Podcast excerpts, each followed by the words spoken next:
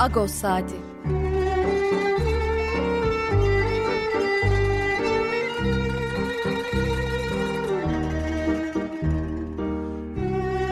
Haftalık Agos gazetesinin penceresinden Türkiye ve Dünya gündemi. Agos'un mutfağından haberler, söyleşiler, olaylar.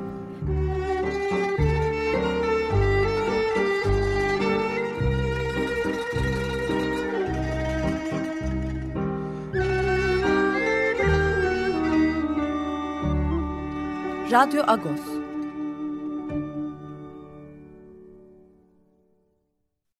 Ողջույն սիրելի ռադիո ունգընտրողներ, ահավասիկ աչիկ ռադիոյի հաղորդումով ռադիո Ագոսի ժամով գրգին միացին ենք։ Մայքլ Բրուկով եւ Ջիվան Գասպարյանով ողջունեցինք այս շաբաթ առավոտվա մեր հաղորդումը եւ բարի վայրում ծեր բոլորին մեկ ու կես ժամվա ընթացքին ինչպես ամեն շաբաթ առավոտ այս շաբաթալ Ee, ora Garkinuterov, Agoshi e, Ver Aras Nuterov, ee, bir de Ansinek Ver Haydakiri, Yamaşüst, Hakotun der videonenak, Herakosa Gaber videonenak.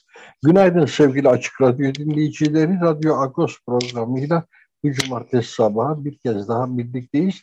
Cumartesi sabahı programımıza Michael Brook ve Civan Kasparyan'ın birlikte e, düzenledikleri, seslendirdikleri bir parçayla başladık. Muş'a atfedilmiş bir ezgiydi dinlediğimiz. Bir Muş türküsüydü diyemiyorum ama e, bu Muş özlemiyle Ermenistan'da yapılmış bir düzenlemeydi. Hoş bir çalışmaydı. Bu haftada geçtiğimiz haftalarda olduğu gibi yine bir yandan haftanın gündemini konuşurken bir yandan da bu gündeme ağırlıklı olarak Agos'un penceresinden bakma niyetindeyiz. Tabii ki programımız esnasında gene e, telefon bağlantılarımız olacak, konuklarımız olacak. Yine Agos'un sayfalarından seçtiğimiz konularla bu bağlantılar ve konuklar ilişkili olacaklar. İlginç sohbetler olacağını ümit ediyorum, bekliyorum. E, hepinize iyi bir cumartesi sabahı dinliyorum.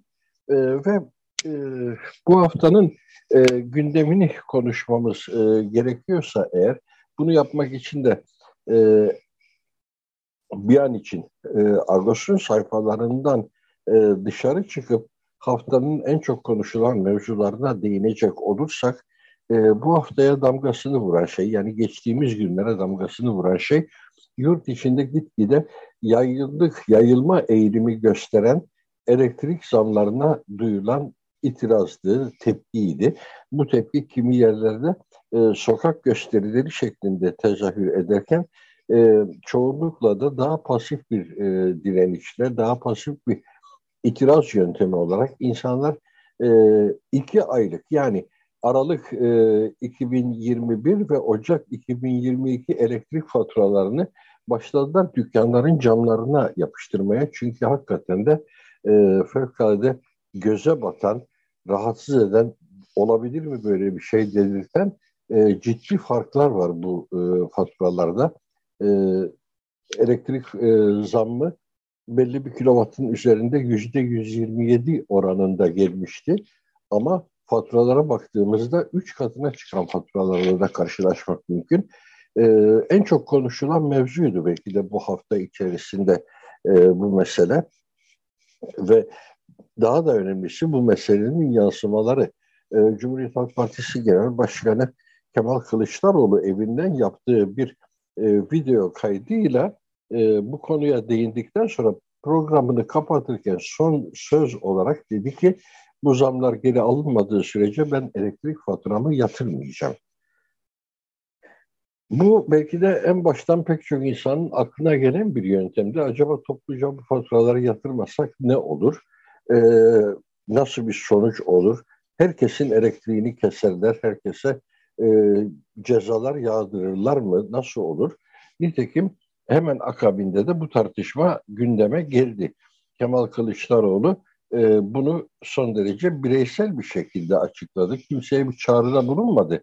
Sizler de böyle yapın demedi.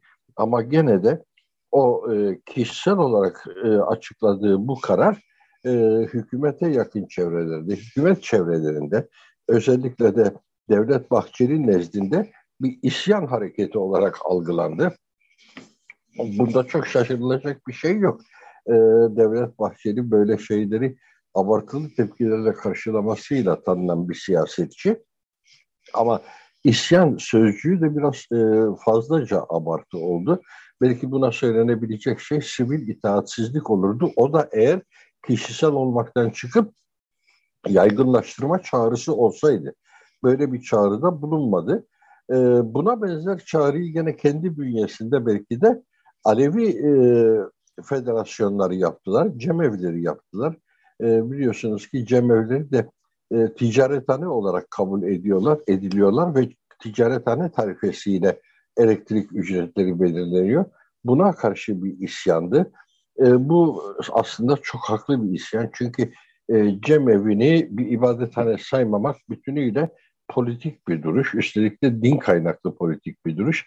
Anımsanacaktır. Yıllar önce bu konuda Diyanet İşleri Başkanlığı'nın görüşü sorulmuştu hükümet tarafından ve Diyanet İşleri Başkanlığı e, bu soruya yani cemevleri ibadethane midir değil midir sorusuna dolaylı bir cevap vermişti. Demişti ki Müslümanların ibadethanesi camileridir. Dolayısıyla ya Aleviler Müslüman değillerdir ya da Müslümanlarsa cemevleri ibadethane değildir. Çünkü Müslümanların ibadethanesi camileridir. Ee, böyle değerlendirilecek bir açıklama yapmıştı. Ve mesele o gün bugündür muğlaklığını koruyor. Oysa Türkiye'de şu anda binlerce, e, sanırım 3000'in üzerinde cemevi var.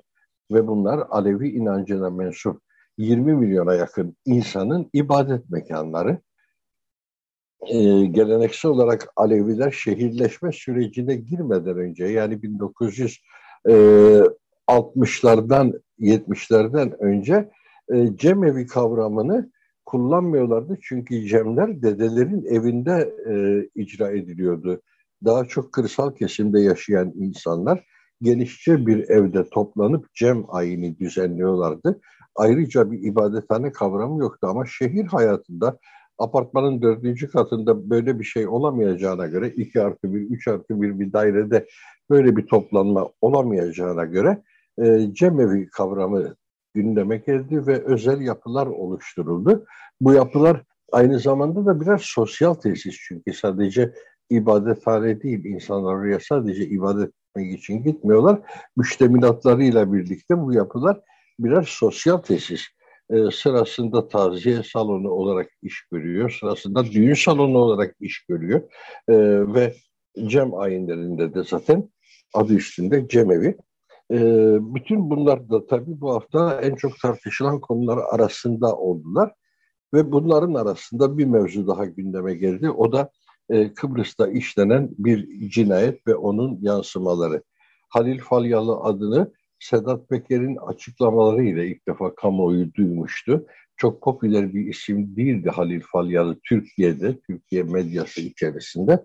Ama e, Sedat Peker'in açıklamalarıyla gördük ki çok büyük servetleri kontrol eden, e, şimdi yaygın kullanılan bir ifade, ifadeyle de büyük paraların, büyük servetlerin emanetçisi konumunda olan bir insandı. E, bu servetlerin kaynağında kara para aklama trafiği vardı, e, narkotik ticareti vardı. Özellikle de e, sanal bahis e, şebekelerinden edinilen paraların tanzimi vardı ve kumarhaneler vardı.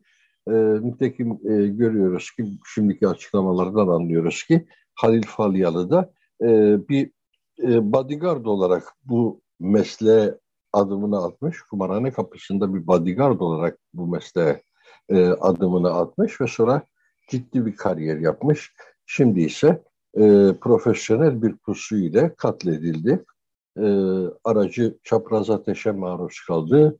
Bu çapraz ateşin uzun namlulu silahlarla işlendiği, kalaşnikovlarla işlendiği söylendi.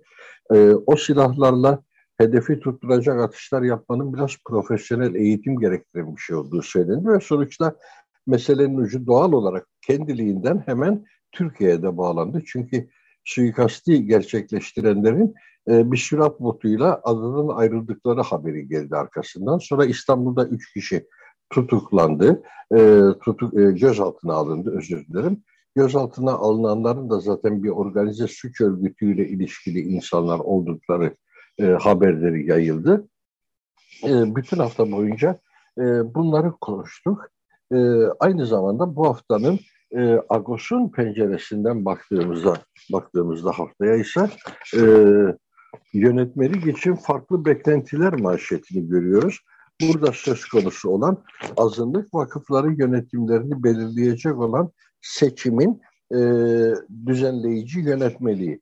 Bu yönetmelik uzun yıllardan beri e, yok, hazırlanması bekleniyor. Var olan yönetmelik rafa kaldırıldı.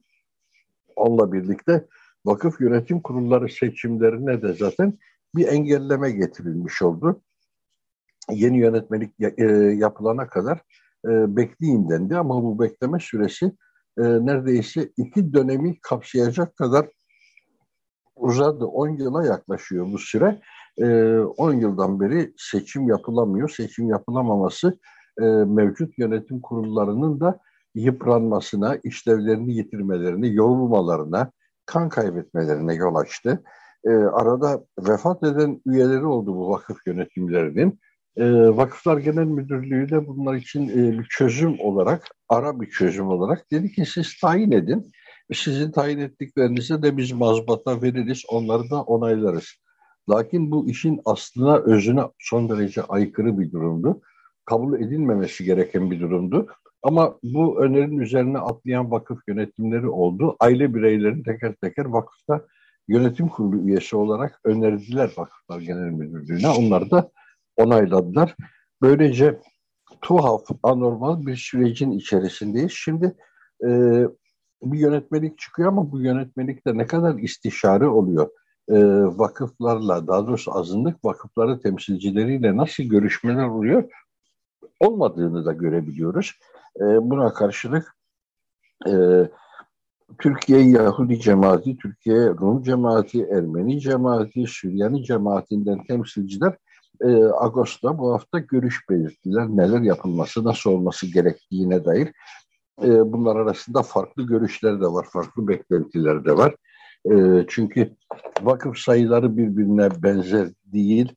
İşlevleri birbirine genel olarak benzer olsa da e, seçim sistemleri birisi için daha kolay ulaşılabilirken öbürü için daha zorluklar yaratıyor falan. Bütün bunların ortak paydası bulma yönünde çabalar. Bu hafta bu konu dediğim gibi Agos'un e, başlıca konusuydu. Hemen arkasında kültürel mirası yıkma projesine tepki başlığıyla e, Karabağ'da ve Karabağ çevre, daha doğrusu Karabağ'ı çevreleyen alanlardaki Ermeni kültürel varlığına yönelik tahribat e, gündeme getiriliyor. Bu mesele ilk günden beri biraz üzerinde durulan can alıcı bir meseleydi, can alıcı bir konuydu, rahatsızlık yaratan bir konuydu. Çünkü e, savaş esnasında da bu e, kiliselerin, manastırların veya e, kültürel miras niteliğinde olan yapıların tahrip edilmesi söz konusuydu. Savaşın sıcaklığında tahrip edilmesi söz konusuydu. Şimdi ise çok daha ilginç iddialarla bunlar aslında eski e, Türk e, kiliseleridir. Sonradan Ermeniler bunları kendilerine mal etmişler gibi tuhaf açıklamalarla e, buralarda bir kültürel tahribat yaratılmaya çalışılıyor. Ermenice yazılar, yazıtlar silinmeye çalışılıyor. Bu da bu hafta Agos'un önemsediği e, haberlerden birisiydi. Keza bir diğer önemli haber Agos'un sayfalarında yer alan Türkiye-Ermenistan normalleşme sürecinde iki ülke özel temsilcilerinin ikinci görüşmesi Viyana'da olacak. Paşinyan'ın Türkiye ziyareti ise gündemde değil. E, bu notla verilmiş bu haber. E, bu haberin arka planında e, şu var. Biliyorsunuz 14 Ocak tarihinde ilk kez Serdar Kılıç ve e, Ruben Rubinyan biri Türkiye'nin biri de Ermenistan'ın resmi temsilcisi olarak Moskova'da yan yana gelmişlerdi. Şimdi 24 Şubat'ta ikinci bir görüşme Viyana'da olacak. Bu esnada e, Türkiye'de somut olmayan olabilir, şu da yapılabilir, böyle de olabilir e, açıklamalarıyla beraber yürüyen e, bazı girişimler var ama dediğim gibi somutlaşmış değiller.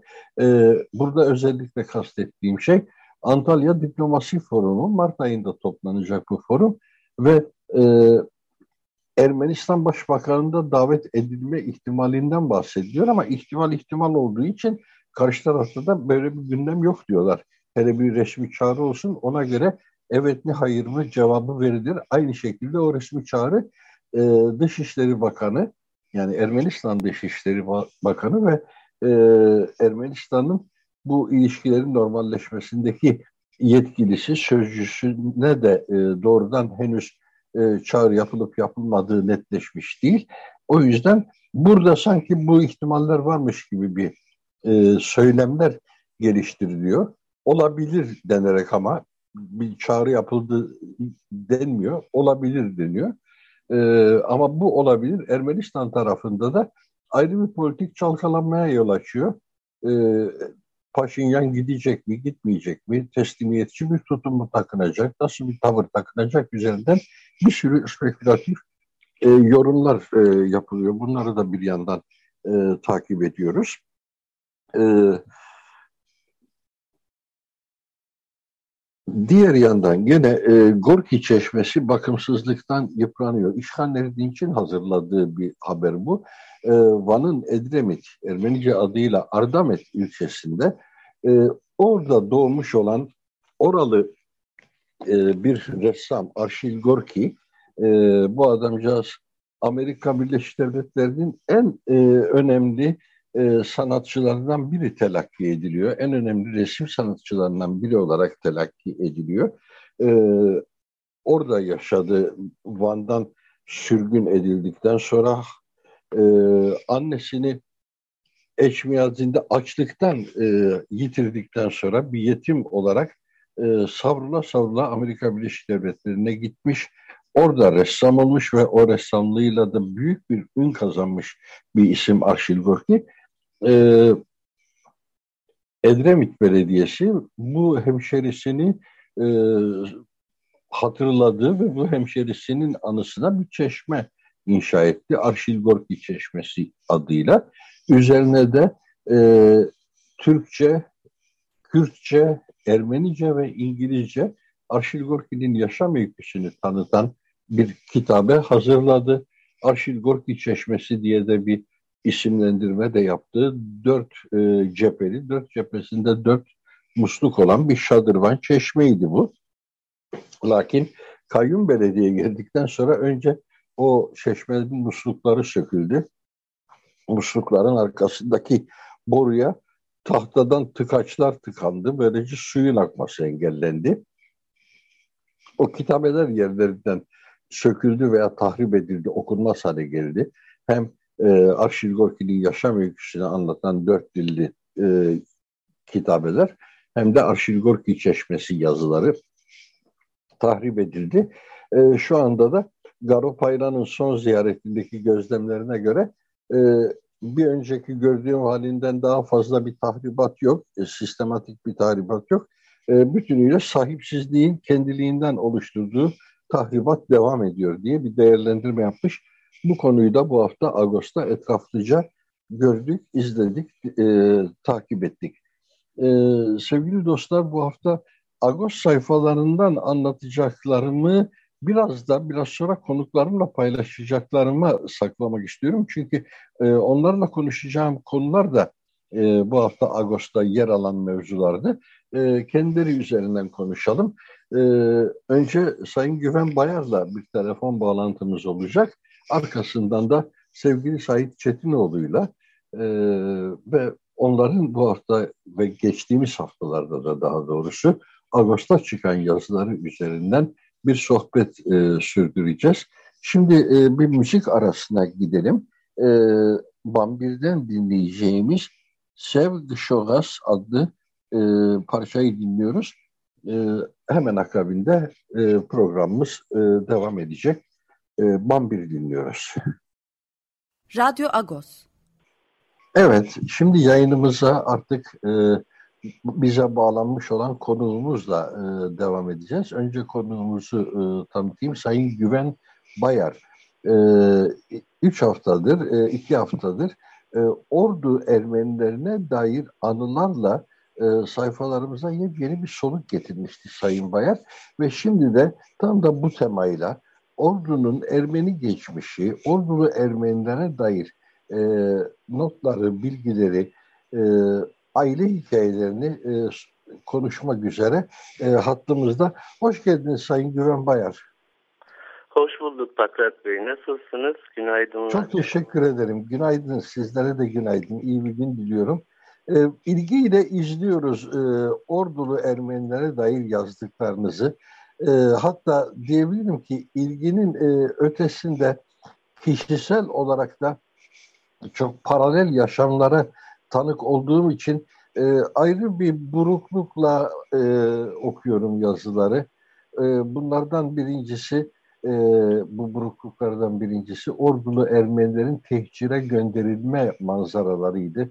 Erkeklerin toplanması, kadınların sabaha kadar o toplanan erkeklerin etrafında kümelenmeleri, e, sabahın ilk ışıklarıyla da hadi biz bunları Sivas'a doğru götürüyoruz sonra da sizi götüreceğiz diyerek yakın bir komşu ilçede bir dere kenarında kurşuna dizilmeleri. Bu hikayenin aynısını babaannem Tokat Erbaa üzerinden anlatırdı. Babaannem Erbağlıydı. Orada da çünkü birebir ayrıntılarına benzeyecek şekilde, ayrıntılarıyla aynı olacak şekilde e, birebir bu anlatım vardı. Erbağ'ın bütün erkeklerini topladılar. Bir arsaya dikenli tellerle çevrili. Kadınlar etraflarındaydılar. Ee, sonra onları e, kafile halinde yürüttüler. Erbağ'ın hemen dışında da kurşuna dizdiler. Sonra da bizi sürgüne çıkardılar diye anlatırdı babaannem 12 yaşındaki tanıklığıyla. Ee, şimdi biz e, sizi dinleyelim daha doğrusu. Çünkü siz çok daha sonraki yıllarda, ilerleyen yıllarda o yıllarda darmadağın olmuş ailelerin bireylerinin yeniden yan yana gelme hikayelerini anlattınız. Bunlar üzerinden biraz e, sohbet edelim. E, ordu ilgisi, ordu merakı e, bir hemşerilik bağıyla mı pekişti sizde? Nasıl oldu? Bütün bunları biraz anlatabilir misiniz? E, tabii. Papret Bey, öncelikle e, 1915 Ermeni tehcirinden kurtulup dönebilen 135 aileden bugün orduda yaşayan sadece 3 kişi kaldı. Dün akşam üzücü bir haber aldık. Bu 3 kişiden birisi olan Angel Hanım, e, dünyalar güzeli Angel Hanım'ı kaybettik. E, biraz da üzgünüm tabii o yüzden. Çok kendisiyle de... Başınız sağ olsun. E, bu yazılara başlarken e, onunla başlamıştık. Kendisi ordudan giden bütün ailelerin arşivlerinin toplandığı bir yer aslında ve dışarıya gidenler de haberi Angel Hanım'dan alıyorlar e, sürekli. E, o yüzden biraz üzgünüm. E, kendi dinine göre de bir cenaze töreni yapılamayacak. E, babasının, annesinin de kardeşlerinin yapılamadığı gibi. Yani vefat ettikten sonra da bir ordudaki Ermeniler için bir e, yolculuk başlıyor aslında. İstanbul'a gidiyorlar. Oradaki Ermeni mezarlığında aile mezarlığı. O yüzden e, bunu, bunu söyleyerek başlamak istedim. E, buna merakım aslında e, hem orduluyum hem de e, 93 Harbi'nde orduya gelen Gürcü muhaciri bir aileye mensubum. Biz de Ermeniler gibi kendimize ait bir mahallemiz vardı. E, bir arada yaşıyorduk. E, o yüzden orduda da Gürcüler ve Ermenilerin sıkı e, iyi bir ilişkileri var. E, doktor Dikran amcaya gidilirdi. O ya da o eve çağrılırdı. Eczacı kardeşine gidilirdi. Bakır ustası Harut amcanın dükkanı ziyaret edilirdi. E, Başbakanlık arşivlerinde de e, kayıtlarda da zaten dipnot olarak düşülmüş. Ordu'da 1915 tehcirinde e, Gürcü ailelerin en fazla Gürcü ailelerin Ermeni tehcirinden etkilenen çocuklara sahip çıktığını yanında e, himaye altına aldığını e, söylüyorlar, belgelemişler. E, bu böyle başladı. E, bu ailelerin hikayelerini yazmaya başladığımda artık bundan daha fazlasını duymam, bundan daha fazlasını herhalde işitmem dediğimde yeni bir tanesiyle karşılaştım. Ee, beni en çok mutlu eden e, herkes sanki yıllardır bunu anlatmayı bekliyormuş gibi e, özlemle, duygulanarak bütün içinde biriktirmiş olduğu her şeyi anlatmaya başladı. Ben beş aileyi yazdım bu zamana kadar. Üç tane de üzerinde çalıştığım aile var. Ama dünyanın dört bir tarafına dağılmış Kanada, e, Amerika, Fransa'da olan aileler var. Agus üzerinden yazıları okuduklarında e, bana benimle iletişim kuruyorlar. O yazılan ailelerin hikayelerinde kendi büyük babalarının da e, tanıklıkları olduğunu anlatıyorlar. Kendi ailesinden kişileri anlatıyorlar. Bu beni çok mutlu ediyor. 3000'e yakın e, Ordulu Ermenilerle ilgili bir dijital fotoğraf arşivi oluşturdum. Hepsini topladım Ordu'daki e, Ermeni ailelere ait aile albümlerinden fotoğrafları ve bunları dijitalde tarattım. Hepsi de arkasına çok güzel notlar düşmüşler. Kendileri de anlattılar. E, bu bir hafıza, bu bir kent belleği. Biz e, ordu, ordulu Ermenileri meslek olarak çok şey borçlu. 1915 tehcirinden sonra bunun sıkıntısını yaşamışlar zaten. Ee, o yüzden çalışmalarımı bu yönde devam ettiriyorum. Yazabildiğim kadar, ulaşabildiğim kadar aileyi yazıp daha sonra bunları kitaplaştırmak istiyorum. Çünkü orduda 1937'de Ordu Valisi Bekir Baran tarafından Ordu Ermeni Kilisesi depreme dayanıklı değildir gibi bir bahaneyle yıktırılıyor. Bu kırılma noktası. Daha sonra 1915 tehcirinden dönebilen 134 ailenin e, neredeyse yarısından fazlası da artık gitmek zorunda kalıyor ortadan. E, o yüzden izleri silinmiş durumda. Bir Ermeni okulu var ayakta. O da 1922'de daha öncesinde zaten ilkokula çevriliyor. E, ama Papaz Efendi kalıyor. Onlar son Ermeni kalana kadar kalmam gerektiğine inandığını söylüyor. Oğlu Arjantin'de yaşayan oğlu. E, o yüzden o yazıda e, orada Ermenileriyle ilgili çok fazla detaya eriştim. Anladım. Ee, o ev zaten bugüne kadar da bildiğim kadarıyla ayakta halen değil mi? Papazın kaldığı evet, ev. Evet orada bir Yazıda öyle bir not var. var. Dediğim gibi e, Vali Bekir Baran tarafından yıktırılıyor. Ama alt apsisi duruyor. O kadar sağlam ki günlerce sürmüş yıkımı. Yine de yıkamamışlar. 1970'lerde üzerine Zaferi Milli Camisi yapılıyor. Orası da Ermeni Mahallesi. Eski nüfus kayıtlarında Ermenilerin Orta Ermeni Mahallesi diye yazar. Orası da Zaferi Milli diye değiştiriliyor ismi. Ee, yine aynı şekilde caminin e, yanında bu sefer aynı yerinde koruyor. Ama tabii onun aşağısında yanında bahçesinde orada görev yapan daha öncesinde görev yapan papazların mezarları varmış. Bunlara dair hiçbir şey kalmamış e, maalesef. E, yine bir muhacir mezarlığı Hatta var. Hatta kent orada. mezarlığı da Orası yok artık. Yani o kilisenin avlusundaki papazların mezarları bir yana kent mezarlığı da yok artık. Kent mezarlığı da yok. Ee, bir, bir de ordunun ilk kent mezarı o, bilir ordular. Ordu Çakal Çıkmaz mezarlığı. Ee, buranın yer sahibi de e, Tikran Toraman'ın babası. Ordu'da doktorluk yapan Tikran Toraman'ın babası. Ee, kendisi bağışlıyor burayı. Ve daha sonrasında mezarlığın sol tarafında, yol tarafında, üst köşede kendilerine bir yer veriyorlar yani. O da rica ile dönemin işte yetkilileriyle konuşuyorlar. Oysa ki zaten bağışlayan Ermeni bir aile. Orada bir 10-15 mezar var ama isimler işte Türkçe yazılmış. Bir Ermeni mezar taşı göremiyoruz maalesef. Hiçbir iz bırakmamışlar. Ama e, ben 6 ay önce gittiğimde e, Ermeni okulunda bir taşı ters döndürüp Ermenice bir yazıya denk geldim. Onu çevirttirdim. Elekçi Kirkoroğlu diye bir usta e, oraya not düşmüş. Bugüne bize kalması için herhalde. Onu bulduk. E, o yüzden o bir şey oldu bizim için. Sevinç kaynağı. Şimdi valinin e, tutumuna gelince burası depreme dayanıklı değildir, risk yaratır ve yıkalım dediği şeye biz birçok ilde, birçok e, vilayette tanık oluyoruz. Ee, özellikle sanırım 1950'li 60'lı yıllarda böyle yoğun bir faaliyet var. Yani bu e, kiliselerin yıkılması, taşlarının başka inşaatlarda değerlendirilmesi yönünde böyle sistematik çabalar var. Sanki bir e, yazıda olmayan e, talimatın uygulanması gibi bir şey gibi geliyor bana.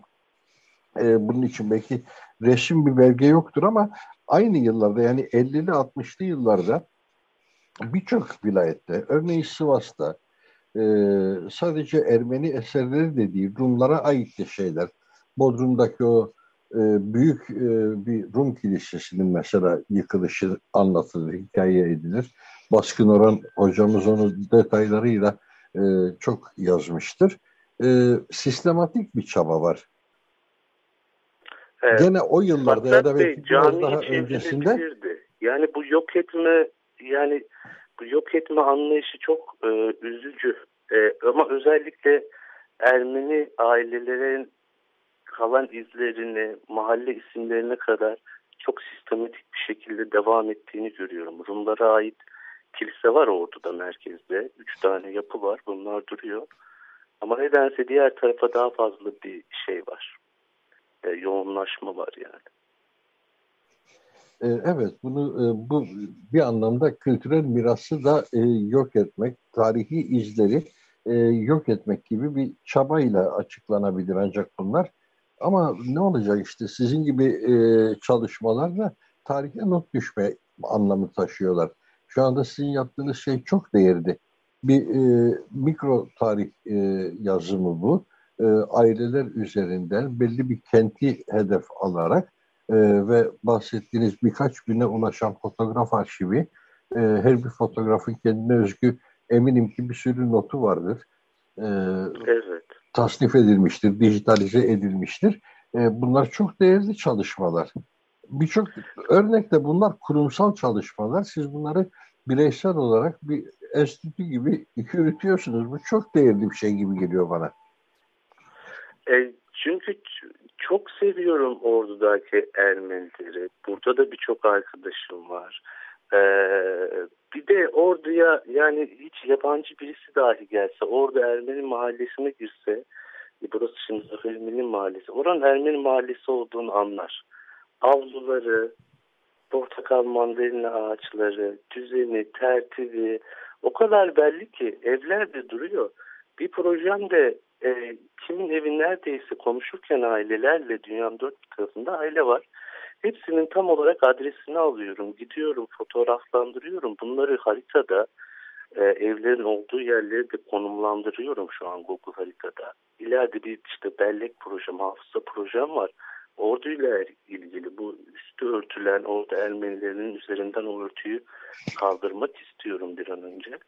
E, kimin hangi aile nerede oturuyordu, bu ev kime aitti? Bunlarla ilgili de bir çalışma yapıyorum. Belirlediğim 60'a yakın ev var. Bu evlerde duruyor. Ev varlık vergisi de yaşadı. Orada ağır bir varlık vergisi dönemi geçirdi. O yüzden evler el değiştirdi. Ee, 1915 öncesi tapu kayıtlarına ulaşamıyoruz. Daha çok şeye de ulaşabiliriz aslında ama biliyorsunuz bazı şeyler ulaşmak çok zor. Ama Tapu e, kayıtlarını dijitalize e, etme genel kurmayın görüşünü sordular ve genel kurmay sakıncalıdır hayır yapmayın dedi. Tapu kayıtları gerçekten de çok sır saklıyor bu ülkede. Yıllar evet. önceydi. E, böyle bir çalışma vardı. Tapu e, kayıtlarının dijitalize edilmesi gündeme geldi. E, ama genel kurmaydan görüş soruldu. Niye ihtiyaç duyuldu genel kurmaydan görüş sorulmaya? Onu da bilmiyorum ve genelkurmay engel oldu. Evet çünkü o kadar çok ev evler değişmiş, yerler değişmiş, farklı kişiler, hep farklı aileler, belirli ailelere geçmiş ki ama zaten yapıyı gördüğünüzde, onun mimarisini gördüğünüzde onu anlıyorsunuz. Anlamamak mümkün değil. Yani hala kendini bu istenerek olmasa bile korumuş bugüne gelebilmiş bu evler. Ee, bu insanlar yurt dışında zaman zaman orayı ziyaret ediyorlar, evlerini görüyorlar, ağlayanlar oluyor, o günleri hatırlayanlar oluyor. Ben kaç aileyle konuşurken yani ses kaydını kapatıyoruz bazen, yarın devam ederiz diyoruz. Bu insanlar çok seviyorlar Ordu'yu.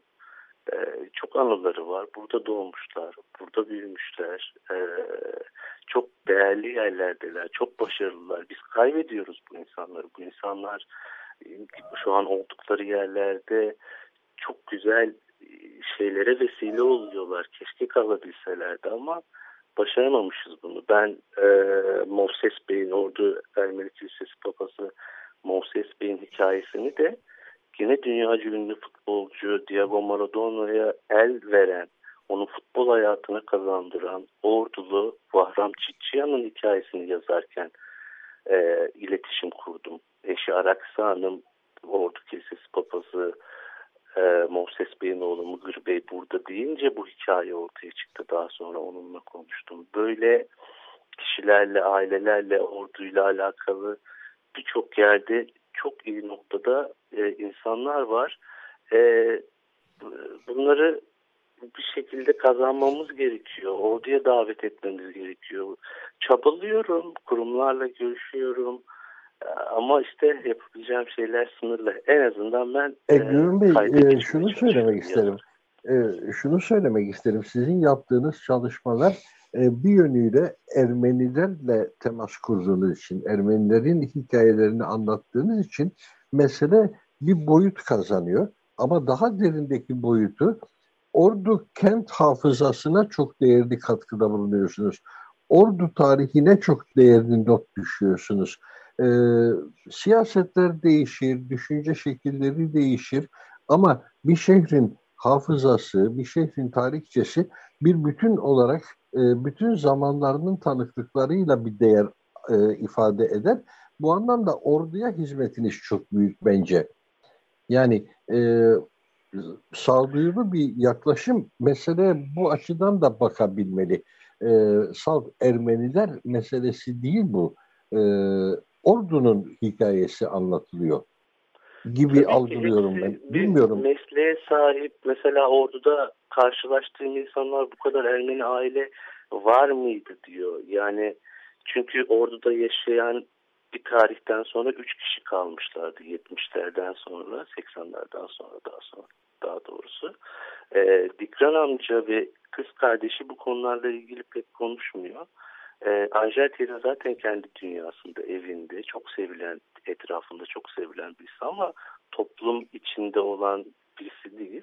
O yüzden tüm hikaye e, Harut Nartu'nun bakır ustası, Mugritiç Usta'nın oğlu Harut Nartu'nun tek kişinin anlattığı bir orada Ermeni tarihi var. Yani o, o ne anlatıyorsa 1926 doğumlu Harut amca da o dönemleri de biliyor.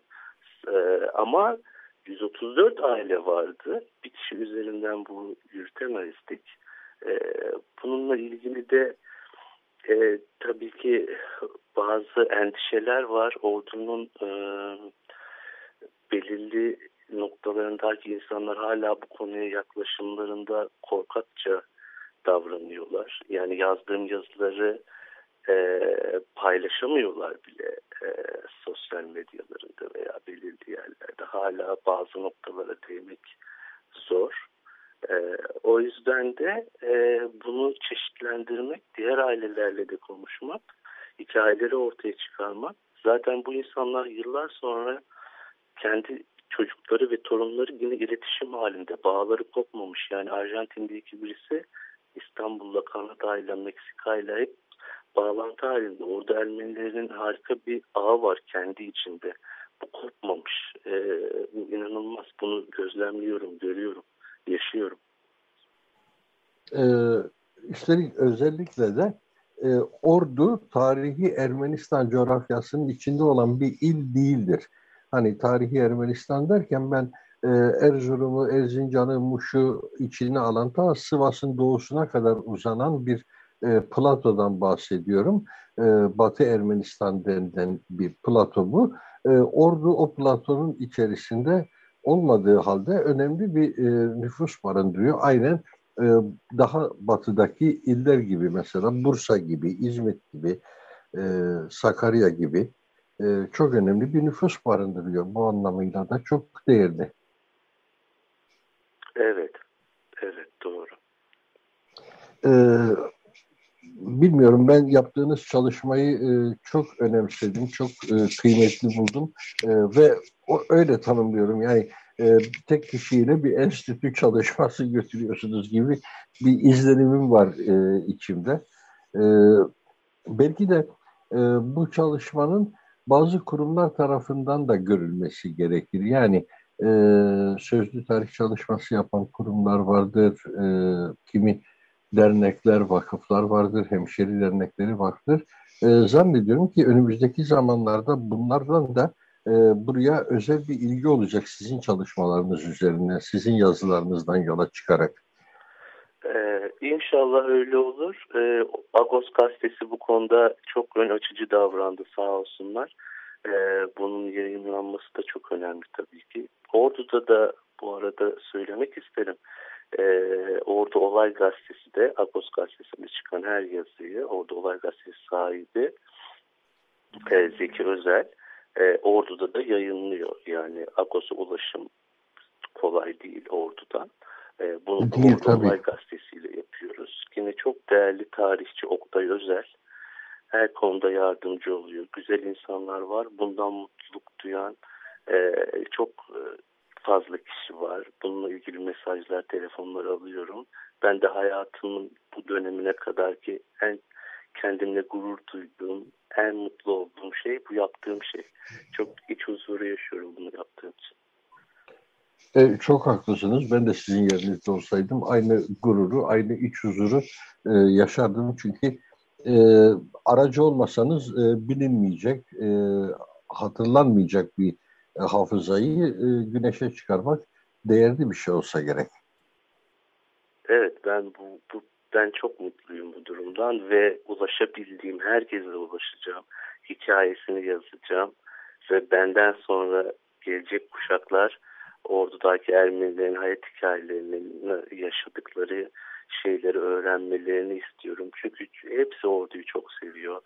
Hepsi çok güzel anımsıyor her şeyi ve çok ağır şeyler yaşamışlar.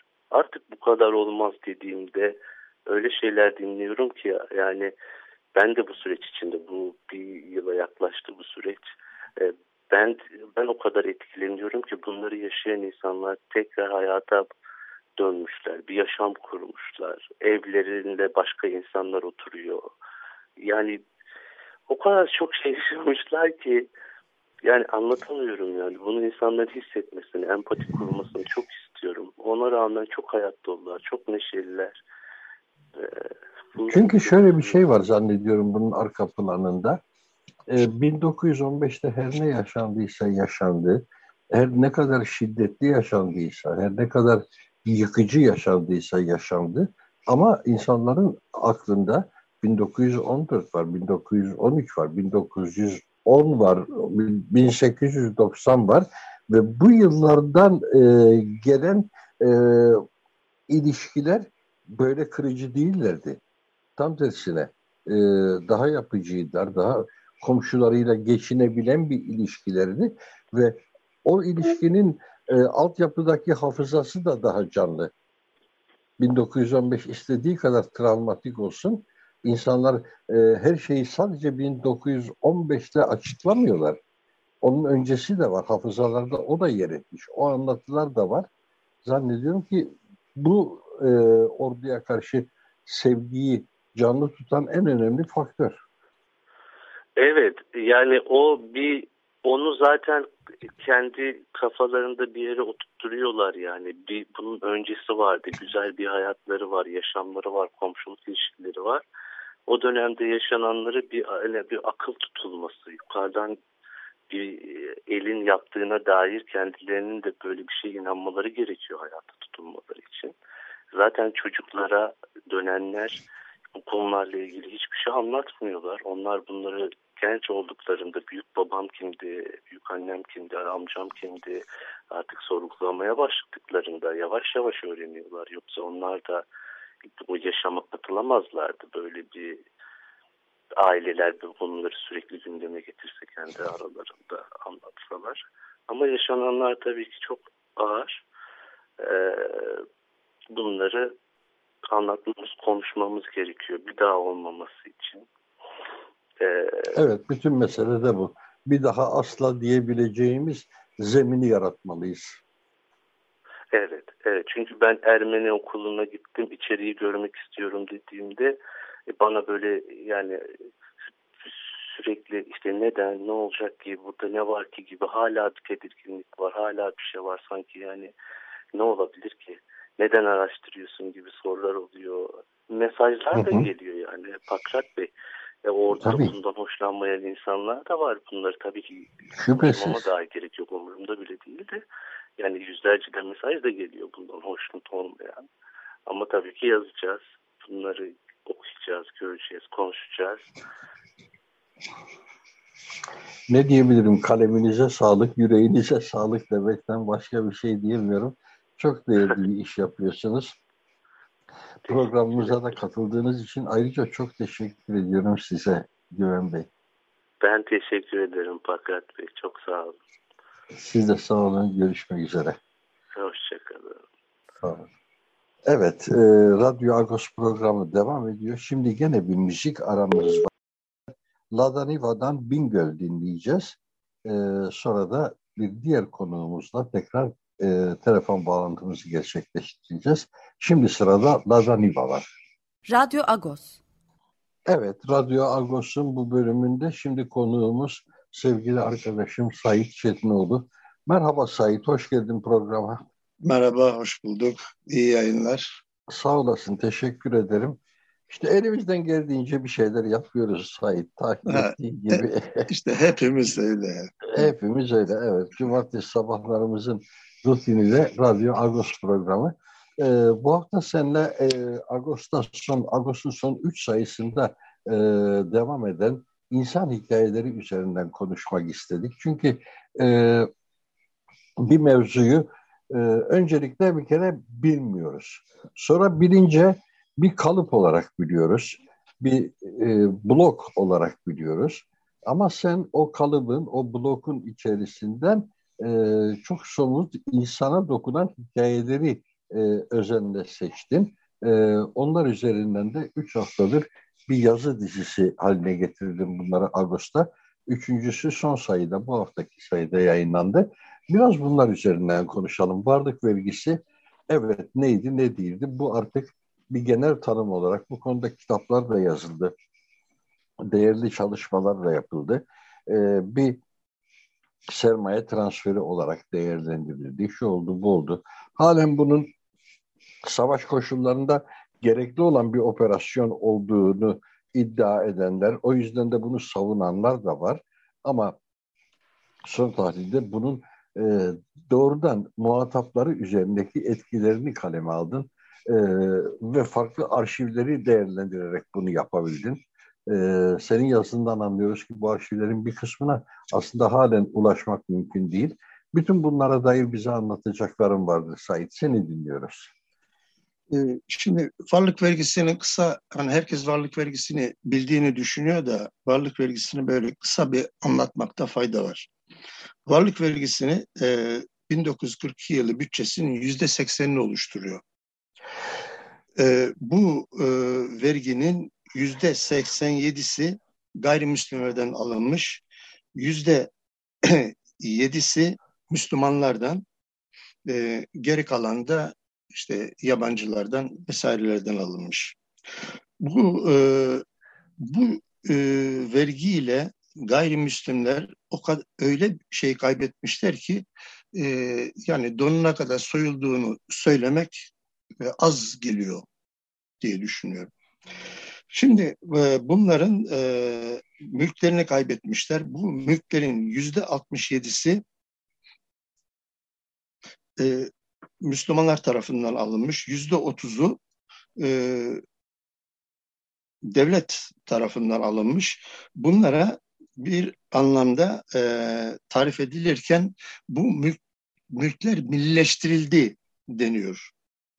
Şimdi bu vergiyi uygulayan kişiler e, müfrit iddiatçılar var içinde.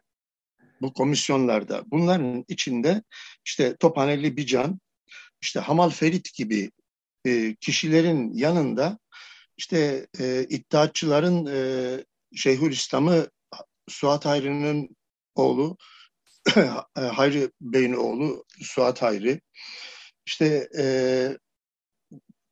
Diyarbakır'daki e, soykırımın e, sorumlusu Fevzi Pirinççioğlu'nun oğlu yine e, bu Diyarbakır ve çevresindeki e, soykırımlarda yönetici olarak bulunan Tigrel ailesinin e, çocukları da bu şeyde yer alıyorlar. Bunlar daha sonra e, hepsi e, e milletvekili yapılıyor, bakan yapılıyor, yani özellikle bu e, Pirinçoğlu e, İnönü'nün e, hükümetinde yer alıyor. Restorasyon hükümetinde 60'tan sonrakiler. E, daha sonra Maliye Bakanlığı'na getirilenler var. E, milletvekillerine getirilenler var. Üst düzey görevde bulunul, bulunuluyor. Bu, e, göreve getiriliyor bunlar. E, şimdi herkes e, bu e, hani mükellef deniyor da mükellef değil bunu kurban olarak nitelemek lazım. Mesela kurbanlardan Şabat Levi e, seviniyor. Diyor ki bizi Hitler'e teslim etmedikleri için hükümete müteşekkirim diyor mesela. Hı hı.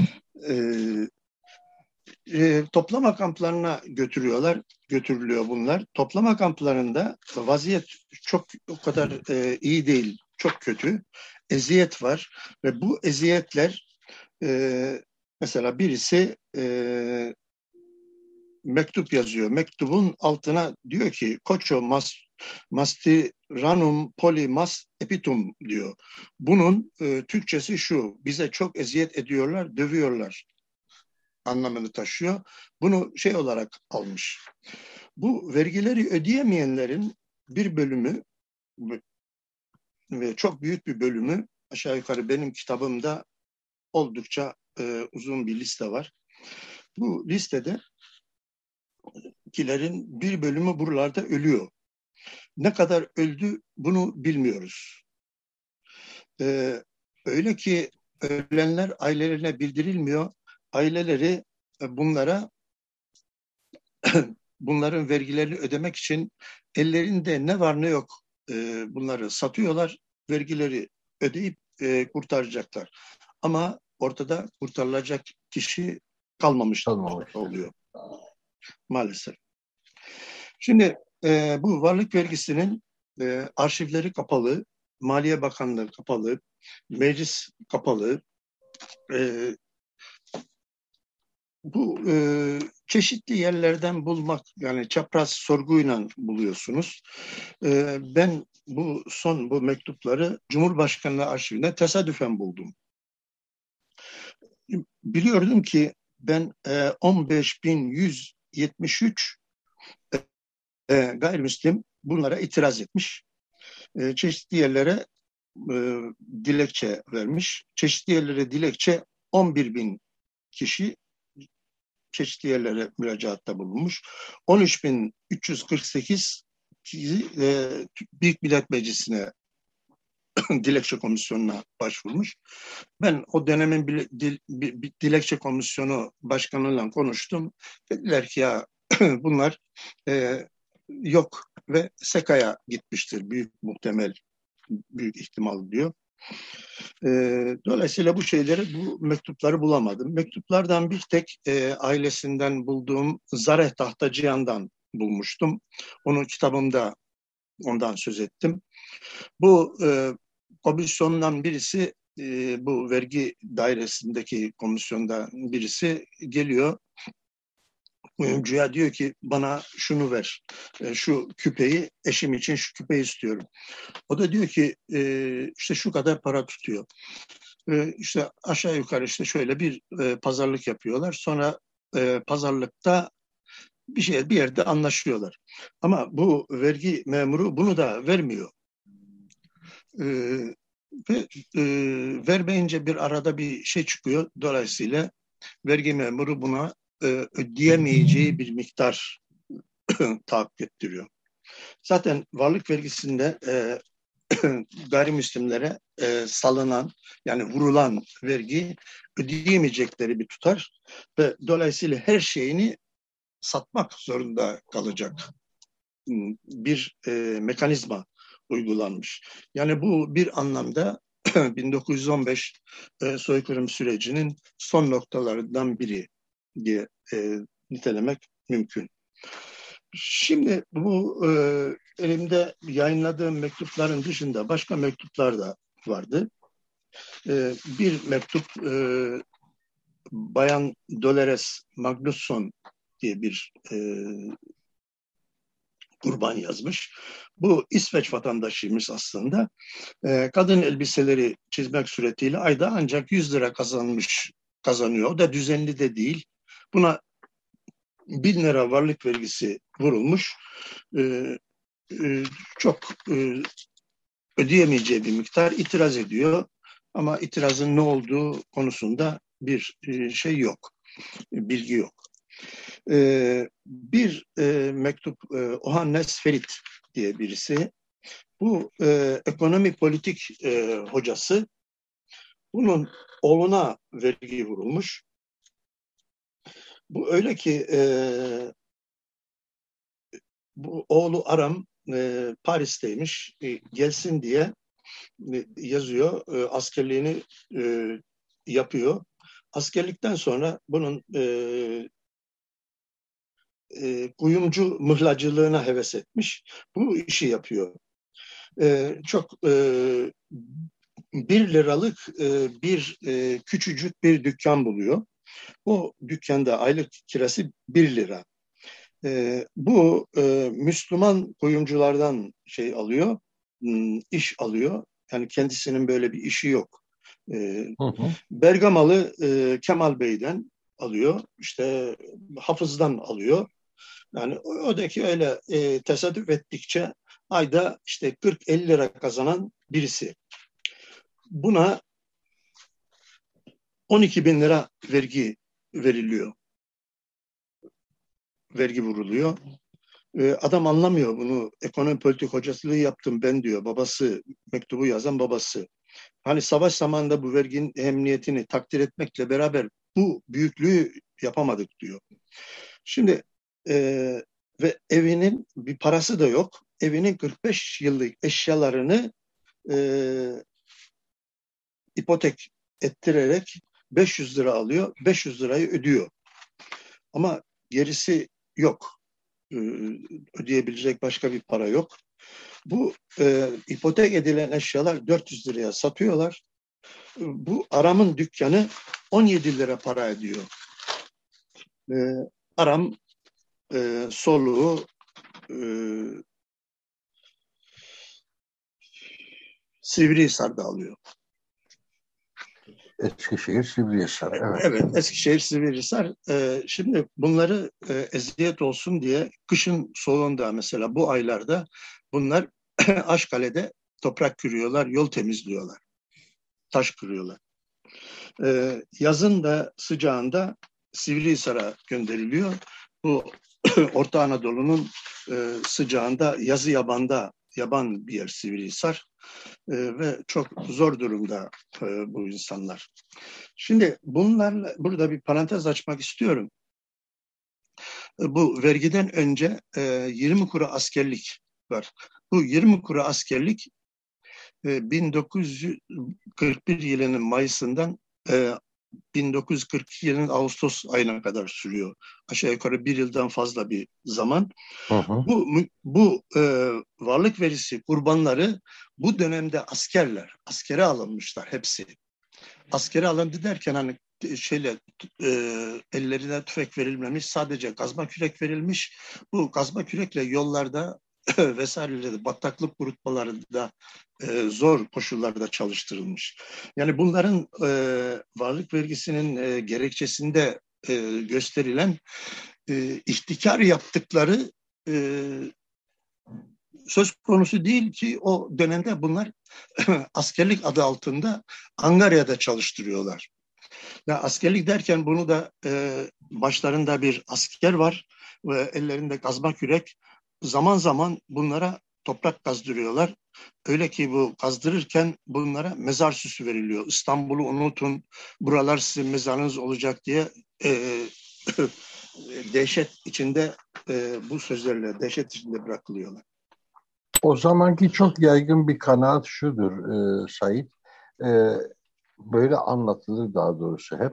E, denir ki eğer Stalingrad düşseydi Türkiye savaşa dahil olacaktı ve ilk imha edilenler de bu 20 kura askere alınanlar veya varlık vergisi için e, sürgün edilen insanlar olacaklardı diye bir anlatı Ermeniler arasında çok yaygındır. Kanaattir bu tabii ki. Bunun bir belgesi falan yok ama böyle bir inanç var ki eğer Stalingrad düşseydi Türkiye e, savaşa dahil olacaktı. Doğudan bir cephe açacaktı. Ermenistan üzerinden Sovyetler Birliği'ne saldıracaktı diye ve bu olacağı sırada da ilk e, imha edilecek grup tam da bu 20 kura askere çağrılanlar ve e, varlık vergisi sürgünleri olacaktı. Ee, Dediğim gibi bunun bir belgesi falan yok. Bu bir kanaat. Ermeniler arasında çok yaygın bir kanaat. E, şimdi bununla ilgili bir belge yok ama belge e, hani kanaat kanaati e, doğrulayacak belgeler var.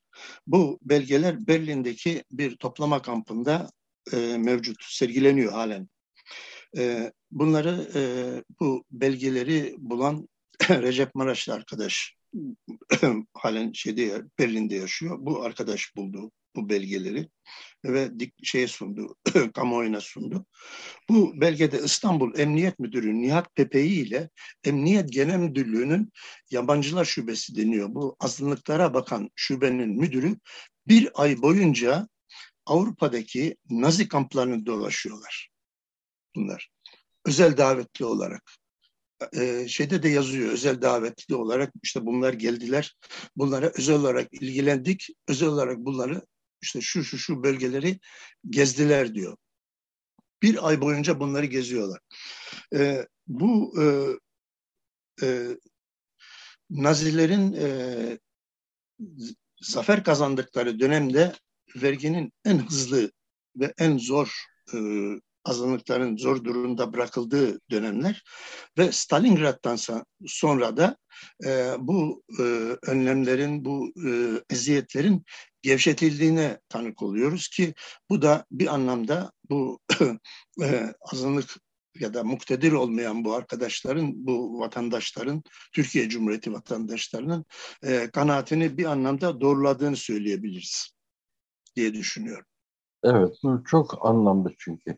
Türkiye savaş boyunca tarafsız kaldı deniyor ama duygusal Yok. anlamda müthiş bir müttefiklik hali vardı.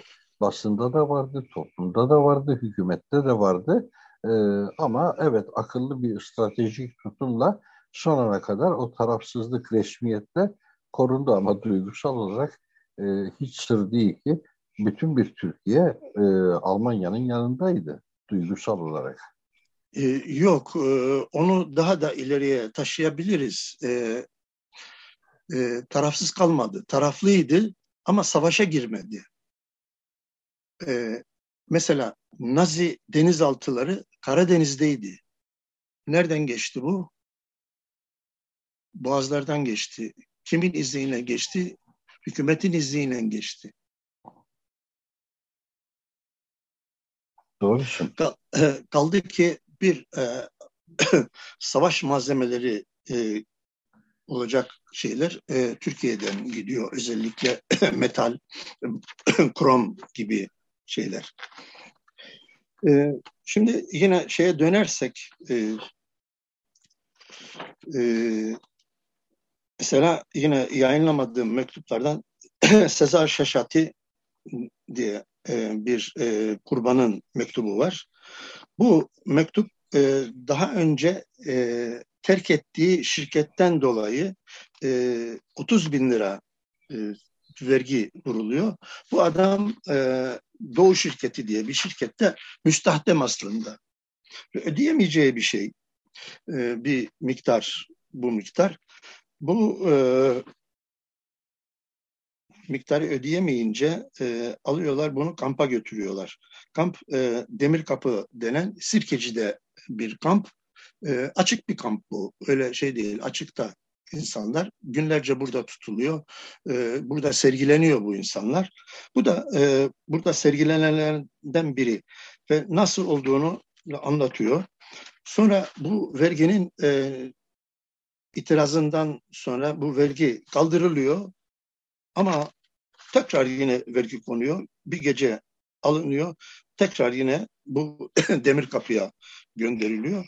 Şimdi bu diyor ki benim böyle bir şey ödememe imkan yok.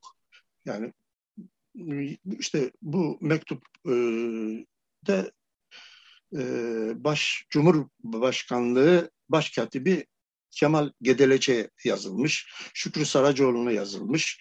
İşte e, Maliye Bakanı e, Fuat Aralı'ya yazılmış. E, aman diliyorlar ama e, bun, kimse bunları dinlemiyor. E, bu vergiler alınıyor. İşte dediğiniz gibi yani Stalingrad'ın düşmesinden sonra bu e, toplama kampları e, bırakılıyor. Pekala. Ee, sevgili Sait çok teşekkür ediyoruz bu programa katkından ötürü. Ee, çok e, kıymetli bilgiler oldu bunlar. Dediğim gibi genel bir bilgimiz olduğu halde e, insan hikayeleri konusunda e, çok değerli tanıklıklar getirdin. Tesadüfen bulduğum dediğin e, mektuplar hakikaten senin sayende şimdi gün yüzüne çıktı. E, insanlara daha bir bilinir e, kıldı yaşananları. E, sağ olasın, kalemine sağlık, yüreğine sağlık. Teşekkür ederim. Evet, Radyo Agos'un sonuna geldik. Sonumuzu gene müzikle tamamlamak istiyoruz, müzikle getirmek istiyoruz. Bu kez Selda Bağcan e, dinliyoruz. Yaz gazeteci yaz. Müzik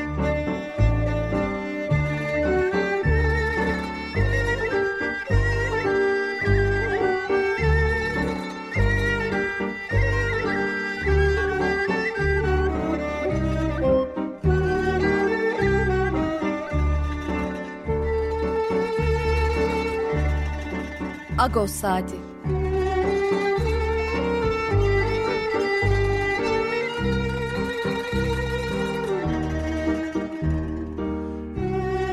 Haftalık Agos gazetesinin penceresinden Türkiye ve dünya gündemi. Agos'un mutfağından haberler, söyleşiler, olaylar.